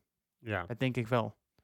Het ik weet niet hoe ze elkaar Formule 1 liggen. Dat je, dat je er eentje achter je moet hebben. Maar Nou deze kom je gewoon tegen op de baan. Die moet je echt nog zien te denk verslaan. Ja, absoluut. Ik, absoluut. ik denk dat dit de Rosberg-Hamilton is eh, tussen die twee eh, binnen Kawasaki. Als je Nou, het met Formule 1 heel goed. vergelijkt. Eh, het zijn twee eh, topatleten. Eh, ik zie ze allebei eh, als grote kanshebbers Maar- voor racewinst en eh, kampioenschap. maar zie je ze dan ook echt in staat om, om diezelfde psychologische oorlogsvoering tegen elkaar... eh, Nou, ik, ik denk dat Kawasaki-tent niet een gezellige tent wordt om onder te zitten. nou, ik denk dat het beide nette christelijke boys zijn, zeg maar. Ik denk dat het best wel mee gaat vallen. Als ik eh Adam Jammer een beetje weet van zijn, eh, van zijn interviews en ik weet hoe, eh, hoe Eli is, ik denk dat dat niet... ik denk dat die gewoon heel erg naast elkaar gaan leven. En op, de baan wordt het bepaald. toch? Absoluut, Ja. 100%. Jammer. Ja, Ik had ja. het wel leuk gevonden. dat houdt wel wat. Nou ja, ik zie het liefst zie ik het meeste spektakel op de baan hoor. Dat Ja. naast de baan, het is leuk. Maar als ik dan de keuze heb, zie ik het liever Ja. op de baan. Dus Maar- nog even terugkomen hè, op, eh op eh, Mookie, Malcolm. Is hij in het Supercross, is hij eigenlijk, denk je, de beste eh, fabrieksrijder van Yamaha? Ik- in het Supercross, hè? Ik, ik zal heel eerlijk zijn. Ik zie Yamaha dit jaar niet een kampioenschap. eh, eh, iemand die een kampioenschap kan winnen. ja, in, voor in de de 450. 450. Ja, ja, ja. In de 450. En het verbaast me eigenlijk. ja. Yamaha want heeft want ook Malcolm is natuurlijk iemand die, die races kan winnen op een hele goede dag. Maar het, het- laten we eerlijk zijn, het is een genot om naar te kijken. Maar het is niet iemand voor, voor de, die de consistentie heeft voor een kampioenschap. Nou, Nou, het is moeilijk om te zeggen, want kijk, vorig jaar hebben we gezien dat hij veel snelheid heeft. Op, eh, ja, toch wel, eh, zeker ten opzichte van de Yamaha waar hij nu op gaat rijden, een gebakkie. Mhm. Ehm, dus het Nou, is dat- moeilijk om in te schatten waar Mookie precies zit. Daarnaast wil ik ook nog zeggen, is dat ondanks dat we hem weinig auto's hebben zien rijden, omdat hij vrijwel nooit een contract heeft voor de auto's, kan Ja. hij onwijs goed ook eh motocrossen. Ik heb hem eh één keer zien motocrossen op de Zwarte Cross. Ik denk dat hij met zijn hoofd ergens anders was. Eh, alleen de motor met jetlag. Nee, maar dat was standaard vering van dat ding, man. Ja, ja, dan mocht de, de, Ik heb het ook gezien en ik was zelf met mijn dronken hoofd daar. kon ik zien dat dat ding voor geen ene kloot veerde. nou, ehm, correctie Marken, die Motor Concept Ho- eh, Honda's, die staan er bekend omdat ze heel goed lopen. Ja, Ook de hele tijd bij de Klopt. fabriek. Hoe veren ze? Ja. Maar eh, Nee, joh, eh, Honda? Eh, dat is de B- eh, het B-team waar Mookie vorig jaar voor reed. Ja, dat is die Vint Ja, Vries, die heeft altijd kopstart met een Ja, nee, maar hij reed toch eh, hij reed Husky in eh, Zwarte Cross. Nee, Nee, Suzuki. Eh, Ja. Suzuki reed hij. Hij werd, ja, dat klopt. Ja, hij dat werd klopt. toen Sorry. een rondje ingehaald door Jeffrey. Ja, ja, dat weet ik nog wel. Lars van Berkel, die zat ervoor. Ja. Lars, van- eh, wij, ik was toen daar met Andy, dus met de foto zaten wij met de die Lars van, van Berkel en met Mookie. En Ja, die van mooi, hè? Gate Drop. eh, Natuurlijk. Ja, ja, ja. Ja, en eh, nou, hebben we dan Jason Anderson genoeg besproken ook? Of die, die nou, hebben we ook nog ik, niet echt... ik eh, ik niet. weet niet bij Anderson wat ik ervan moet vinden. Hij is natuurlijk dit jaar gestopt met eh, Elden. Ja, Beker eh, daarvoor te trainen. Ehm, ik zie hem toch, als je naar die laatste Supercross race keek en de outdoors, liet hij toch een paar eh, prachtige dingen zien. Dus ik weet niet wat ik van hem moet vinden. Eh, ik, hoe zie jij dat, Marco? Ja, ik vind, eh, ik vind het bij Anderson vind ik het lastig. Want ik weet niet hoe jullie erover denken. Maar eh, kijk, moet ik even goed nadenken. Volgens mij 2018 werd hij Supercross kampioen. Hè? Ja, dat 2008. seizoen was hij, was hij sterk. En volgens mij was het de, de MX of Nations van 2017. Toen reed hij met, eh, in, Ma- in Major reed hij met... ja, eh, met onze Jeffrey. ja. was Onwijs. 17 was Metterly, eh, Oh, dus de 16 zelfs. 16 is 16 Majora. is het zelfs geweest. Kun je Ja. nagaan. Waar is, waar is die Jason Anderson gebleven? Die snelheid die heb ik al een tijd niet meer gezien. Nou, Ja, ik de denk la- dat- hij de was in ieder geval niet in Assen in 2019. Nee, nee, maar... ah, die mag je niet tellen. Zo'n ik, eh, zandbak, dat rijdt hij nooit. Maar Nou, maar los van zo'n zandbak, het was ook gewoon een en al modderbende, joh. dat, ja, maar dat ken je alleen als je er altijd in rijdt hier in Nederland met, die, eh, met het regenachtige weer buiten. Weet je, dat, dat- Eh, ja, dat kun je niet op de stranden van Daytona of zo oefenen. Maar Marco, wat vind je niet dat hij die snelheid eh, wel heeft laten zien in de laatste Supercross? Ja, hij heeft één, ja, maar één supercross maar, maar voor de rest... Zie je veel, hè? net- ja, Zie je gewoon, je ziet, volgens mij zie je best wel, uiteindelijk best wel veel verschillende winnaars. Ehm, maar wie van deze namen, eventjes een voorspellingje, nog even een mini-voorspelling voordat we echt eh, gaan voorspellen wat het top 3 wordt. Maar wie van deze grote namen, hè, als je het allemaal, eh Osborne, eh, Anderson, Barsha, Tomac, Cincerulo, ehm Mookie, eh, Webb, no- welke van de echt grote namen gaat dit jaar geen main winnen?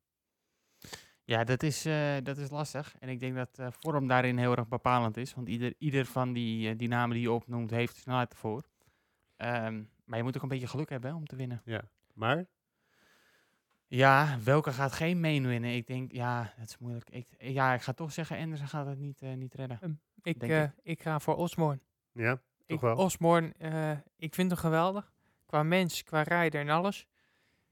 Maar de, eh, diegene die die won, was een mazzeltje. En ik denk niet dat hij... en Musken natuurlijk. Die twee. Ik denk Ja. allebei niet dat ze mee gaan winnen. Maar nou heb ik nog een leuke vraag voor jou, Tim. Ik weet niet of jij er wel eens naar gekeken hebt. Heb je wel eens gekeken naar de, de startlijst van de 450's in de Supercross? En dan de namen doorgespit en dan kijken wie überhaupt een kampioenschap heeft. Eh dan moet ik ze op gaan noemen. Dat is natuurlijk Tomac Webb. eh, en, eh, Doe ik ook 250, ook de Supercross, de Oh, maar oké. op. Gewoon iedereen die überhaupt... Anderson. In ieder geval. Dan heeft, nou, Verandes heeft er eentje gewonnen. Sexton heeft er eentje gewonnen. Ehm nou, Verandes van meer trouwens, maar... Boekie, eh, die heeft er een. Plessinger Ja, heeft klopt. Die heeft East gewonnen, hè? Ja. Plessinger, Messenger. Wilson. eh weet die heeft natuurlijk... Roxanne heeft volgens mij ook 2,5 gewonnen, toch? Ja, ja en in, in Europa, hè? Wereldtitel. Ja, oké. ja, oké. Ja, nee, ik Ja, heb het nu, ik heb nu alleen over Supercross. Ah, eh. ja. Musken, Hij heeft ook, Musken heeft ook een wereldkampioenschap gewonnen. Maar die zie je ja, ook... hij heeft ook East, East 2015 Ja. net mijn hoofd. Dan hebben we Tikkel. eh Savacci, dus de namen die we nog niet eens Ja, opgenoemd precies. hebben. Eh, Ja, ik tel ouders ook gewoon mee. Want dat, waar het mij om gaat, is dat zijn, naar mijn idee, allemaal rijders die in, in potentie hebben de, de mogelijkheid om een kampioenschap te pakken. Het- Zodra zij in de, de kans hebben en de snelheid hebben om een kampioenschap te winnen, kunnen die rijders die kunnen het afronden. Dat Ja. hebben ze laten zien. Ja. ik, ik denk dat je de hele top 20 bijna kan opnoemen dat ze een kampioenschap hebben eh, gewonnen. Eh, de uitzonderingen zullen zijn dan denk Max in- die heeft... wou ik net zeggen, Ja, degene ze- die uitzondering zijn, zijn Max die Shane uh, McElrath, die ik toch wel hoog heb zitten. Ja. Ehm, Hij, die, die was vorig jaar wel erg dichtbij, Brayton? hè? Brayton heeft alleen in Australië kampioenschap gewonnen. Hm. Ja, hij heeft wel... eh, v- nou, hij heeft wel nou, begin ik, kampioenschappen. nou begin ik te twijfelen. Daar zou ik even de, de boeking moeten kijken. Want hij heeft, voordat hij eh, Supercross ging rijden, deed hij uh, Arena Cross. Ik weet niet of hij daarin iets gewonnen heeft. Neem nou bijvoorbeeld een eh, Tyler Bowers. Is nog die steeds drie geen keer Arena supercross Cross. natuurlijk, hè? Nou, weet Nee, je, maar kampioenschap is kampioenschap, hè? Oh, en als je het daar met dat, met dat malle, malle spelletje van de Arena Cross kan doen, dan ben je een- een grote. Maar eh, als ik jou zo hoor praten, dan, eh, dan zeg je eigenlijk alle grote kampioenen die gaan eh, supercross rijden. Eh, ja, ja. Jaren, jaren was dat inderdaad Ja, wel zo. Komen we zo nog wel op terug. Laten we eerst nog eventjes voorspelling doen. Eh, wat gaat de top 3 worden in de v- 450? is dat in Houston of totaal? Ehm, zeg eerst maar wie je denkt dat in Houston wint. Oké, eh, mijn voorspelling voor Houston is 1 Max Anstey, 2 Brandon Hartranft en 3 Eli Tomic. Je oh nee, dat weet die... dat dit tegen je Wat was- gebruikt kan worden. Wat was die derde Suzuki rijder niet? Denk snel. oh jee. Adam. En de- Eerste podium. nee, maar ehm, realistisch gezien eh, denk ik zelf dat de winst gaat naar Barcia. Ik denk dat eh, Eerste winst voor Gas Gas in de supercross dan. ik, we- ik, ik heb eh, na zijn twee eerste ja. overwinningen zie ik hem weer, hem weer winnen. Ik heb het gevoel dat eh, Webb eh, tweede wordt. Dat hij meteen een goede start heeft. En eh, mijn eh, geld gaat dan toch op Chase Sexton. Op de derde plek. Gelijk een podium pakt. Ik ga hem min of meer baseren op eh, de statistieken die ik hier voor mijn neus heb. De laatste twee eh, seizoensopeners die zijn gewonnen door Barcia. Dus ik zeg Barcia op één. Voor eh, de tweede plaats Ken Roxen, die de afgelopen tien jaar de meeste seizoensopeners gewonnen heeft. En dan als op een derde plaats ga ik Cooper Webb, die in 2019 Houston, dus de, de venue waar we nu naartoe gaan, Mhm. gewonnen heb. Die, die pakt een derde plaats. Dat is die jongen goed voorbereid, hè? Wel allemaal oudjes erop zetten. Dat is dan wel weer... eh, Ja, nou, Cooper maar, Webb is niet zo oud. Nee, dat is waar, dat is waar.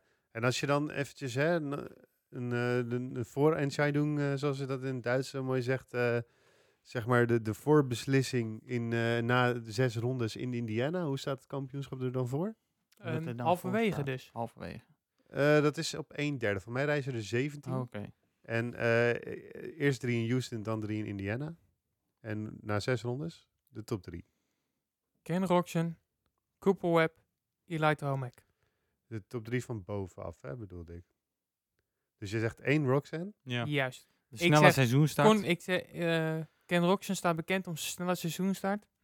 Dus ik heb eigenlijk denk ik een fout gemaakt. Eigenlijk had ik Ken Roxen op 2 moeten zetten, maar ik ga niet terug naar mijn voorspellingen. Ehm, maar ik denk dat inderdaad Ken Roxen, eh, en ik denk dat Ken Roxen me door weet te pakken dit jaar. Ik denk dat Webb, ondanks dat eh, ik denk dat Webb echt gewoon nog steeds sterk is, Ja. dat hij gewoon tweede wordt. En eh Tomac heeft over het algemeen, zijn start van het seizoen zijn altijd minder, maar ik heb het gevoel dat hij gewoon eh, nog steeds op de derde plek staat. Ja, Tomek is een, een, een beetje... Een dieseltje. Ja, nee, nou ja, dat is dus de vraag, hè. Is, dus, is hij dus, zeg maar, meer een diesel omdat hij, zeg maar, eerst op gang moet komen? Of is het gewoon puur omdat hij beter is op de East Coast banen? En misschien is dat laatste wel, zeg maar, van toepassing. En dan kan Oh. hij wel eens een hele goede eerste dan race rijden. heeft hij ook een hele goede kalender eigenlijk. Dan Nou kan- ja, dan... want, ja. want dan het meeste is op, eh, op Oost. Of eh, California doen we niet. En eh, Salt Lake City is op hoogte. ja, het is wel een harde waar baan, hij maar- vandaan ja. komt. Hè? Ja, hij komt, ja, Nee, op hoogte. vandaan. Ja, Yes. niet in, komt in Colorado, Een maar Colorado boy, het is hè? ook op hoogte. Maar dat is wel het, eh, het wat zachtere zand. Dus eh, ik, eh, ja, En jouw top 3, Marco? Ja, ik kan me eigenlijk wel redelijk aansluiten met, eh met eh eh, ja. ja, dat is heel saai. Dat ken ik nog wel gewoon eh, ja, mensen erin gooien. laten waarvan ik ga zeggen, ik denk dat de Cincerulo het trouwens wel en de Sexton wel. top 5 kunnen Laten mixen. we een top 5 ervan Nou, maken. wie weet, in het begin van het seizoen staan ze wel iets hoger. Dus daar wil ik in ieder geval gewoon een sterretje bij zetten. Dat deze, deze jongens, die, eh, ja, die hebben genoeg snelheid naar mijn idee. En die kunnen zeker misschien wel ah, dit seizoen of eh seizoen in de toekomst gewoon gaan strijden om de titel. Wie zie je dan vierde en vijfde worden? Eh, na de eerste zes rondes. Ja, dat is, dat is heel lastig om, om te zeggen. eh, weet je, de blessures zullen ook een hele hoop uitmaken. Daar, Oh, daar, ik- ben, ik, eh, daar ben ik Ik bang ga een van. kleine wijziging maken. Ik ga niet Tomek op 3 zetten. Ik zet Barcia op 3. Ja, omdat hij die eerste wint natuurlijk. Nou, ik ben heel eerlijk. Ik ben ontzettend onder de indruk van hem. Hij Hmm. oogt, Wat, die, ja, wat hij oogt. En Denk je dat het veel verschil voor hem gaat maken dat hij nou op een KTM-based eh, motor rijdt dan een eh, Yamaha, zeg maar? Nou, dat denk ik niet helemaal. Ik denk dat het team, waar, eh, het Yamaha-team, eh, daarom hebben ze ook geswitcht naar Star Racing, ehm, niet het team was. Nou, dat gaat, maar dat gaat natuurlijk... Want we hebben nu eh, Malcolm er rijden. We hebben nu, jullie zeiden al, eh, geen potentiële wer- wereldkampioenen rijden eigenlijk. Het is misschien ook een transitiejaar voor, eh, voor hun, omdat ze Verandert met Star misschien, gaan hè. werken. Kijk, maar die is dus geblesseerd. Maar ik denk, ik denk ook zo heeft, heeft Yamaha gedacht. En ik weet niet of Verand is voor, voor dit seizoen per se het kampioenschap Ze dachten te het van Pleassenger, denk ik ook. Ja, maar Veranders is denk ik wel even beter als Plessinger. Hmm. Dat, Marco, eh, hij, was, eh, hij won de 2,5 indoor en outdoor titel. Het is eigenlijk ja. ongelooflijk dat hij niet doorgepakt heeft. Ik, weet- Ja. eh, er, hij, eigenlijk is het de klap gekomen naar de Nations. Ik weet het niet, ja, ik weet het niet. Ik, vond, ik, had er, ik had er ook op zich niet zo'n hoge pet op van, van Plessinger per De, se. de maar- Nations in Redbud bedoel je dan Ja, op, denk ik. ja. Want eh, eh, toen, wa toen was Amerika, ja, ik zal zeggen, doodfavoriet met Eli Tomac, eh, Mm. Justin Barcia en Plessinger in Amerika. ja, wij waren daar ook aanwezig. Ja. En ik zat te kijken. En ik zat wat te tellen. En ik denk, verrekt, Amerika die staat er weer goed voor. Ja. Ik had alleen Veranders en Plessinger omgedraaid. Hadden zij Veranders in de twee... Nou, ze heel dicht bij het podium gekomen. Misschien wel gewonnen. Ja, alleen Veranders is natuurlijk een Fransman. Ja, nee, dat Ja, snap ik. Maar die precies. hadden, die hadden namelijk ook rood-wit-blauw. Op een Star Ah, Yamaha. zo. Ja. en die zat Ah. binnen de top 10 met die 250. Ja, ja, ja. En eh nou ja, Barcia die zat eh, ergens rond de top 10. En eh Tomek die, die, reed, die werd 6 of 7 of Ja. zo. En, Maar dan in één keer, dan heb je genoeg, hè? en zo waren ze van eh gedoodverfde favoriet tot eh, alleen maar haarverf favoriet. Nou ja, dat zeg je goed. Oh, Ja. maar ik vond het wel prachtig. Maar eh, Marco, eh, dus jouw voorspelling is 1 Ken Roxen, 2 Webb en 3 Eli Tomac. Voor, eh, voor het... eh, het- eerste zes rondes. ja, ik nou moet nog steeds even uit jouw mond horen. Nou ja, kijk, dat, ik, ik heb me er wel mee aan. Ik ga het even anders. Ik ga hem even veranderen. We gaan gewoon even een beetje wat grappigs van, ervan maken. Ik zet Web op 1. Ik zet eh Tomek op 2. En ik zet eh, Adam op 3. Laten we hem zo even maken. Yes. Oké, nou, mijn voorspelling is dus om even terug te komen. Ken Roxen op 1, 2 Webb en 3 Barcia. Helemaal mooi. Dan eh, hebben we alle voorspellingen binnen. En dan gaan we natuurlijk over zes rondes kijken of eh, hoe jullie eh, het hebben gedaan. Je ik bedoelt mee. hoe Musken het, weer, het kampioenschap aan het leiden is? Ja, ik denk dat, eh dat Nick nu al eh, spijt heeft van zijn voorspellingen als ik hem zo zie. Ja. Ehm, ja, om af te sluiten hebben we nog gewoon een, een paar vragen die helemaal los staan. Eh, nou, die staan natuurlijk nooit helemaal los, maar wel eventjes wat onderwerpen die we nog echt even moeten bespreken. Ehm, een van de grootste supercrossrijders aller tijden, denk ik. We hebben het al even over zijn, eh, zijn opvolger of opvolgers gehad. Maar Chad Reed, die stopt ermee. Tenminste, hè, dat zegt hij. Gaat hij nog rijden, denken jullie? Dat is natuurlijk altijd de vraag bij, eh, bij Chad Reed. Ehm, eh, 2022, wanneer er weer fans zijn, staat hij, naar mijn voorspelling, weer op de startlijn. Want hij gaat er te veel missen. Ja, ja, je hebt toen eh, dat, hoe heet dat nou, eh, de king van, eh, van Supercross, Jeremy McGrath. Jeremy McGrath, dat die gestopt was. Die is uiteindelijk weer teruggekomen voor twee jaar, geloof ik. En die heb ik gezien, live, met Arnold toen. Ja, mooi hè. Maar ik denk zomaar dat, dat een, weet je, Chad Reed, die heeft onwijs veel plezier in wat hij doet. En ik geloof dat ik ergens ge- gelezen heb of gehoord heb, dat hij eigenlijk pas sinds de laatste paar seizoenen, nu hij er niet meer bij zit, dat hij pas plezier begint te krijgen. Dat daarvoor was de druk altijd erop. Ja, hij rijdt niet meer voor de kampioenschappen, maar gewoon puur voor zijn eigen plezier. Ja, en iedere positie die die zeg maar verder naar voren zit, die is gewoon mooi meegepakt. Ja. Dat, eh, dus dat is ook mooi om te zien. En wat ik heb gezien is eh, dat, ja, zeg maar, eh, voor de corona nog, is dat Mhm. de fans nog niet klaar met chat zijn. Nee. Dat er nog een hele hoop zijn die onwijs blij zijn dat de, de, de 2-2 nog ertussen zit. Misschien dat hij nog eventjes doorrijdt totdat een van die Lawrence-broers overstapt naar de 450. Dat zou wel leuk zijn. Nou, kijk, weet je, hij zou dit jaar natuurlijk zijn afscheidstournee hebben.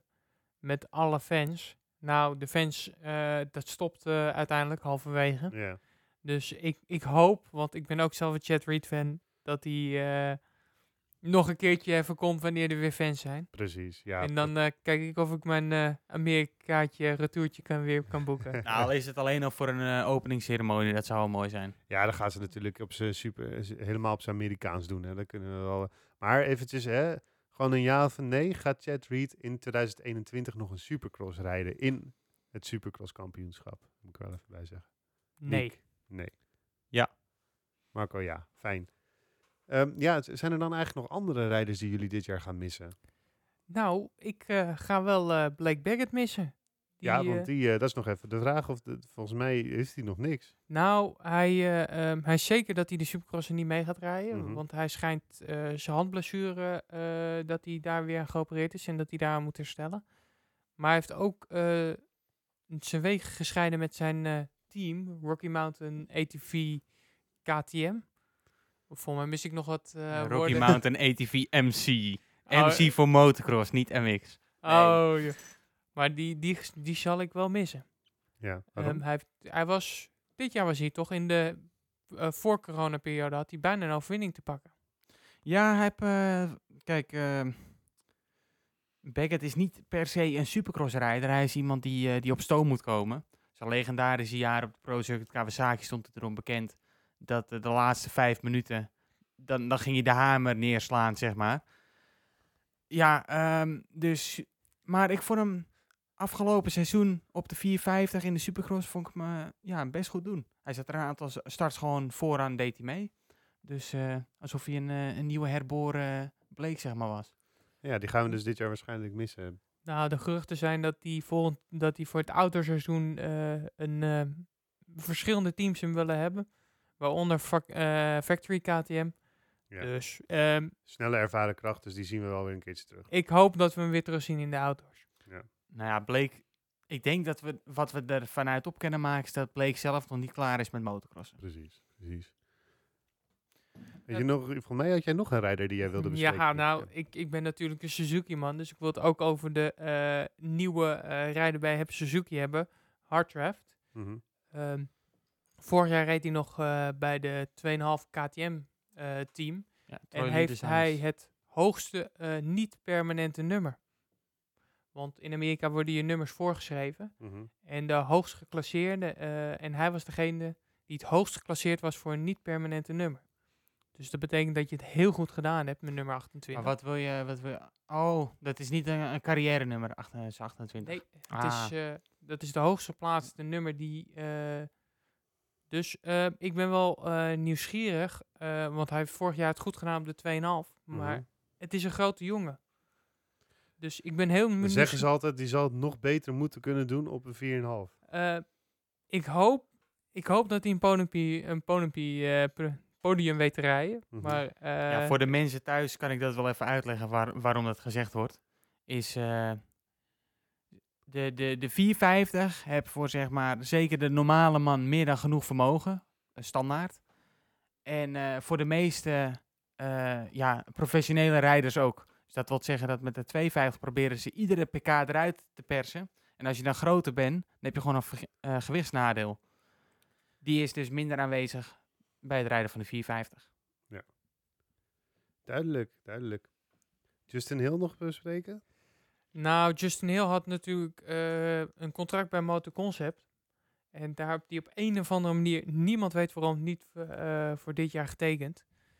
Eh, niemand weet wat hij gaat doen. Eh, ik ben groot fan van zijn rij, rijstijl. Ik ben heel nieuwsgierig of we hem, voor, dat we hem dit jaar aan het eh starthek zien. Ja, nou ja, we nemen de podcast ruim voor de seizoensopener op. Dus hij heeft wat dat betreft nog tijd om een, om een plekje te vinden. Laten we het hopen voor hem.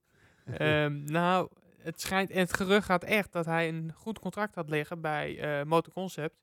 En daar is eh Brock Tickle eh, ingestapt. Ja, en toen was eh, dat plekje vergeven. Dus Ja, nou, daar heeft hij dan zelf nee op gezegd blijkbaar. nou hij heeft niet eh, gereageerd. Dus het is helemaal raar eigenlijk. Ja, dat is wel... de. dat Nou wel- ja, wij weten de insights natuurlijk ook niet eh, precies. Nee. Hoe dat gegaan is. Stond er Dus- niet bij toen hij zijn mail aan het checken was. Nou, ik, eh, Ik ik, heb hem had, ook niet geïnterviewd. ik, had hem, ik had hem graag willen interviewen. Nou, misschien komt die tijd nog eens. Ehm, ja, dan eh, heb ik nog eh, nieuws voor jullie. Ja, ik, ik heb het jullie eigenlijk voor de opname al verteld, maar ik wil toch dat jullie even met jullie spontane eerste reactie komen. Ik zag vandaag een nieuwsbericht. Jorge Prado gaat negen rondes rijden. De eerste negen in Supercross. Dat, dat, daar geloof ik helemaal niks van. Ik weet niet, heeft eh, Prado ooit een eh, internationale supercross gereden? Al dan niet in Europa. Een, eh. Genoa of een Bercy of een... Het is wel altijd, hè, met, met Prado gaat het er altijd, is het er altijd over gegaan. Eigenlijk sinds, ik denk sinds de eerste wereldkampioenschap.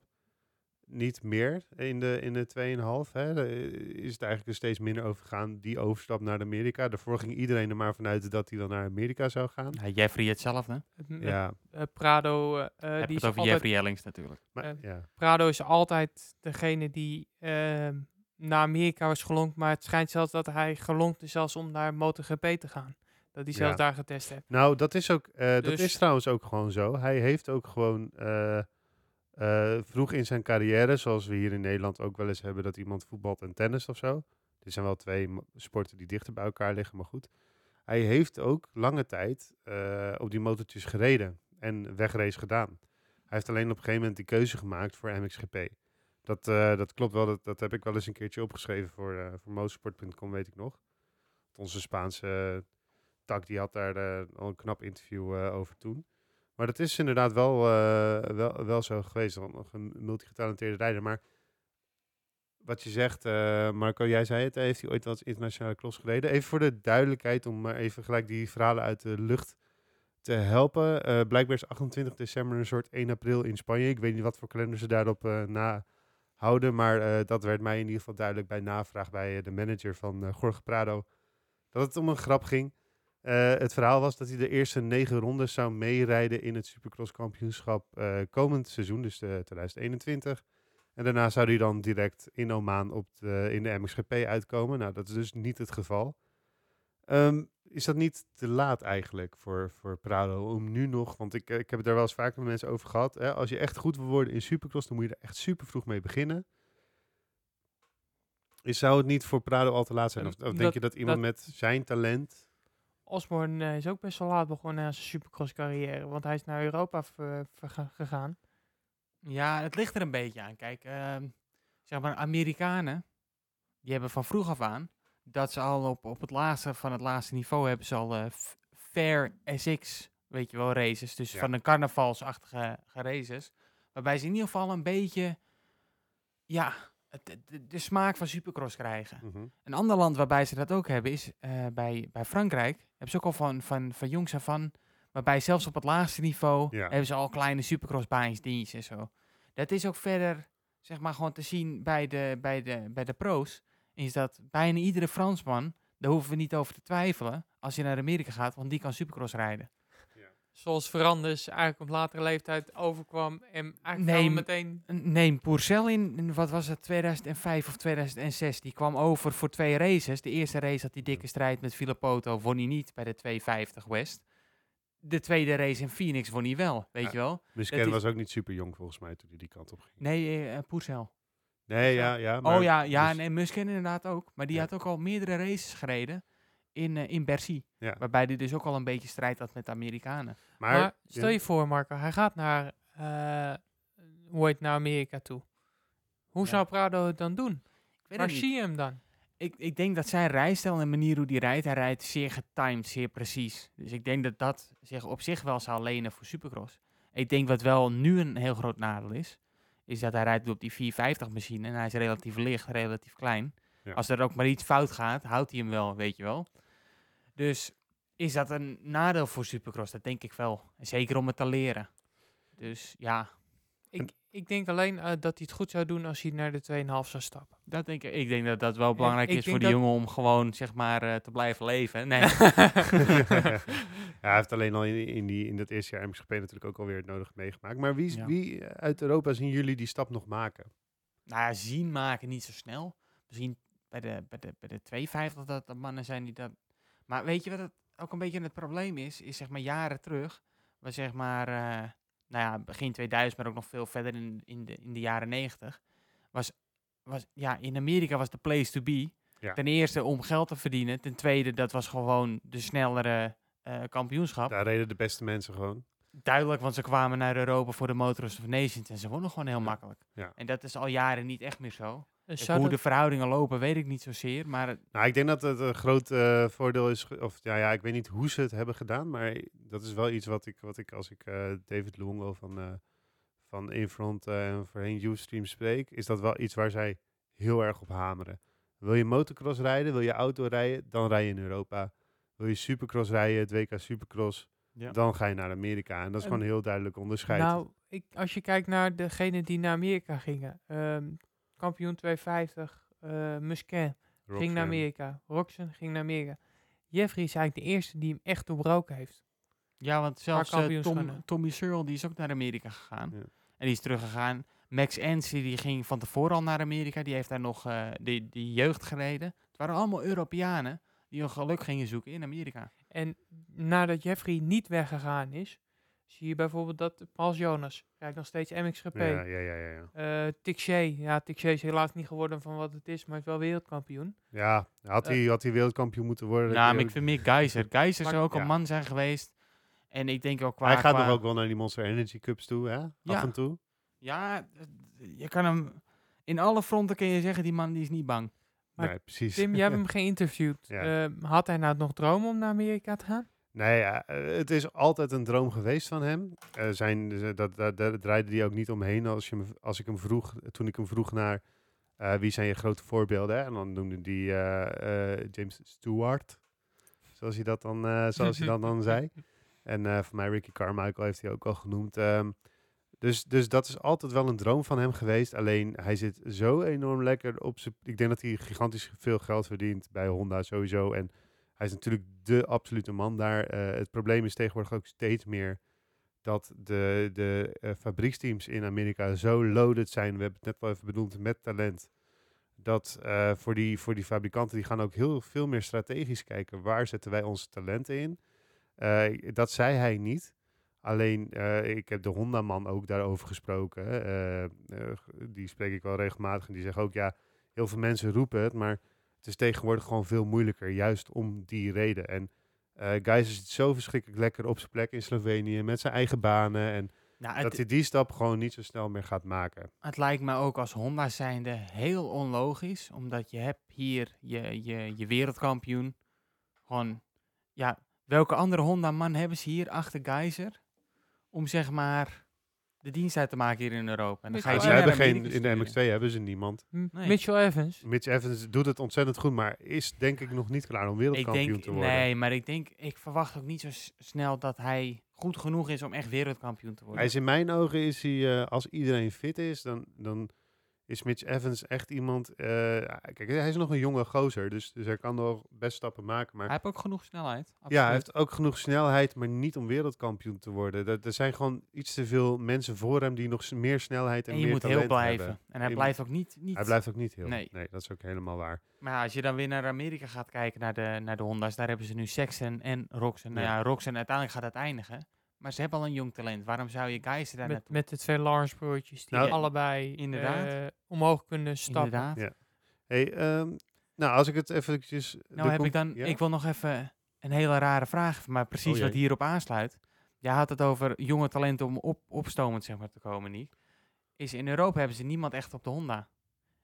En jij hebt het eerder al deze eh, podcast gehad over Jet Lawrence, die misschien Mhm. wel sneller is als Hunter Lawrence. Zou het een idee zijn om Hunter dan weer GP's te laten rijden? Is het, dat een... het gerucht eh, dat Hunter teruggaat naar, naar Europa, eh, dat is er wel.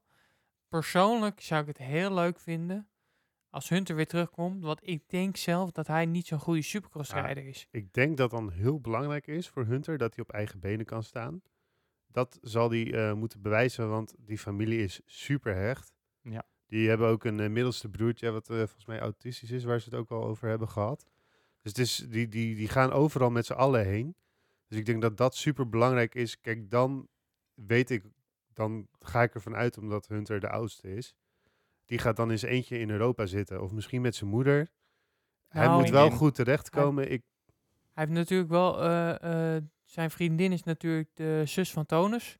Oh ja. Dus ehm, daarom schat ik in dat hij eh, goed ligt bij de familie Tonus. Want anders laat eh, eh, vader Tonus niet zijn dochter eh, helemaal naar Amerika vertrekken.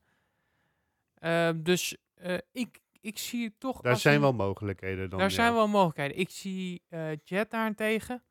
Honda, Amerika zal er alles aan doen om hem te behouden. Ja, om hem daar te houden, Ik ja. denk het wel, ja. Het, Ja. het schijnt, het contract wat hij, ge- dat, ze zeggen de winnaars van de COVID en de Geico stoppen, is Jet Lawrence. Ja, nou ja, en eh, hij heeft natuurlijk ook eh, sinds dit seizoen, of komend seizoen, heeft hij gewoon Red Bull op zijn helm staan. Ik denk dat die ook wel een flinke duit in het zakje doen. Het scheelt zeker. Ehm, Ja. la- laat ik het zo zeggen, die Red Bull helm staat heel mooi op zijn, eh, bij zijn Ja. rode pakje. Precies. Maar eh Nick, als ik het even concludeer, hè, even de belangrijkste conclusie uit deze podcast is gewoon, ehm, Jeffrey Herlings heeft eigenlijk de MXGP groot gemaakt.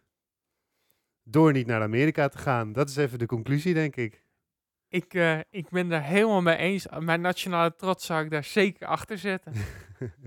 Dan nog even om deze podcast af te sluiten, jongens. Toen eh, de COVID-situatie, zeg maar, eh, wat, ja, wat groter werd, toen trokken heel veel crossers zich terug naar Californië om te trainen. Hoe heet de plaats waar die crossers trainden? Hoe bedoel je de... Gewoon de plaatsnaam van waar die crossers trainden. Banen. Nee, gewoon... Gewoon, Oh, ja, gewoon- dat, ik weet het. Corona. Heel goed, Nick. Dankjewel.